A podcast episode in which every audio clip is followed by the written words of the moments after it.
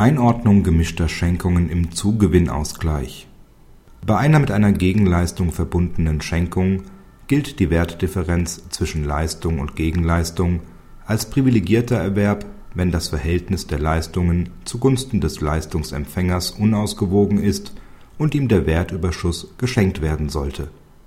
Die Eheleute streiten über Zugewinnausgleichsansprüche.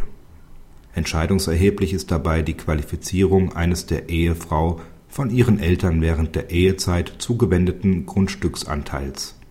Im Notarvertrag zur Übertragung des Miteigentumsanteils hieß es unter dem Punkt Gegenleistung und sonstige Vereinbarungen Der Veräußerer erkennt an, dass der Erwerber auf eigene Kosten den Seitenflügel um und ausgebaut und dabei einen Betrag von circa 50.000 D-Mark aus eigenen Mitteln in den Grundbesitz investiert hat.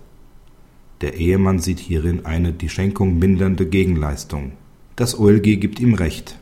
In § 1374 Absatz 2 BGB ist der privilegierte Erwerb geregelt.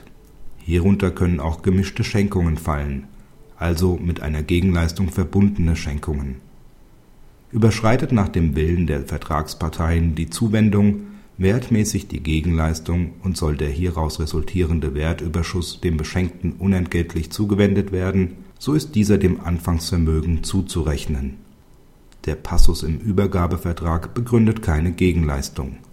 Eine unmittelbare Gegenleistung im zeitlichen Zusammenhang mit dem Notarvertrag liegt nicht vor. Ebenso wenig ist ein Erlass des Anspruchs der Ehefrau gegen ihre Eltern wegen der getätigten Investitionen gegeben. Es besteht hierfür schon keine Anspruchsgrundlage. Auch eine anderweitige Verknüpfung der Leistung der Eltern mit einer Gegenleistung der Tochter ist nicht ersichtlich. Es ist weder eine konditionale bzw. kausale Verknüpfung noch eine belohnende Schenkung gegeben. Praxishinweis Bei der Berechnung des Zugewinnausgleichs tritt häufig das Problem auf, dass in Übergabeverträgen zwischen Verwandten vereinbarte Gegenleistungen nicht erbracht wurden. Der betroffene Ehegatte versucht dann, sein Endvermögen durch die Berücksichtigung dieser Verbindlichkeiten zu schmälern.